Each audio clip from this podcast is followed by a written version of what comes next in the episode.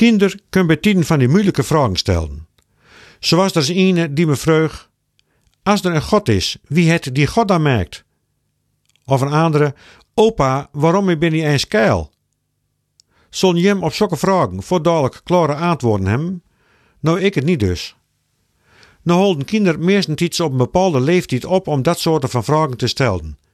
En dat is slim spietig, want daardoor was zeker maar al te vaak als heel vanzelfsprekend, of eens vanzelfzwiegend, aannemen wil ze er best wel vragen bij te stellen binnen. Gelukkig zijn er ook mensen die bij het op jaren komen juist de deur gaan met het stellen van vragen. Afgelopen weekende wordt het bekendgemaakt wie onze nieuwe theoloog des vaderlands is, Thomas Cartier. Nou zou zeggen kunnen dat hij als theoloog zijn voornamen niet met het, want in de Bijbel gaat Thomas deur voor ongelovig. Nou is deze Thomas Cartier niet ongelovig, maar hij is naar eigen zeggen al een zoekende, een niet-wetende. En dat spreekt mij nou juist heel slim aan in deze theoloog. Ik heb het niet zo op mensen die alles maar heel zeker denken te weten, en dan vooral ook hoe andere mensen denken en leven moeten zullen. Daarbij, het mooie van mensen die zoeken blijven, is dat ze ook vragen stellen blijven. Thomas Cartier het bij zijn benoeming als theoloog des vaderlands aangegeven dat hij vooral radicale vragen stellen zal. Een eerste voorbeeld van zo'n radicale vraag gaf hij in een interview dat Dagblad Trouw met hem hadden. Daarin vroeg hij waarom ben er eens laandgrenzen? Die vraag komt heel dichterbij in deze tijd waar het met regelmaat gaat over mensen die als vluchteling aan de laandgrenzen staan, of die met gammele bootjes of als zwemde het, slaand, het straat bereiken. Waarom ben er eens laandgrenzen?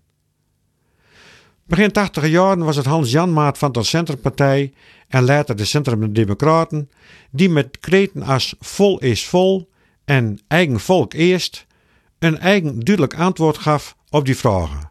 Landgrenzen weer nevens hem om wat van ons is, ook voor onszelf te houden. Ook vandaag de dag binnen partijen die de zokke standpunten op naholden. Dat heel veel van onze rijkdom ontstaan is doordat we grondstoffen uit aan de laan roofd hebben, dat wordt dan vaker vergeten. En dat er een bulte van ons afval juist dumpt wordt in aan de laan, dat weten we vanzelfs ook niet. Nee, het is laat van ons en het moet van ons blijven. Minus is minus en daar heb je vanaf te blijven. Maar als de koning zien privédomein, landgoed, het lo, een paar maand sluiten wil om daar te jagen, dan gaat vanzelfs het hele volk flink tekeer.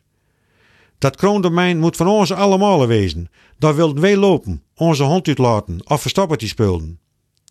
Tja, dat is razen al nog lang het zelfs uitkomt. Nee, doe mij dan maar die nieuwe theoloog des vaderlands, met zijn radicale vragen: waarom ben er eens laansgrenzen? Voor hem als monnik is er ook een logische vraag. Vanuit de Bijbel en vanuit de kloostertraditie moet je voor elke ene die bij je aan de deuren klapt, doe je open. Het zal mij niks verbazen als die traditie weer gaat op het oude kastverhaal. Jozef is met Maria onderwegens en ze zoeken een onderkom. Maar bij alle harbargen door ze aanklappen is het vol is vol.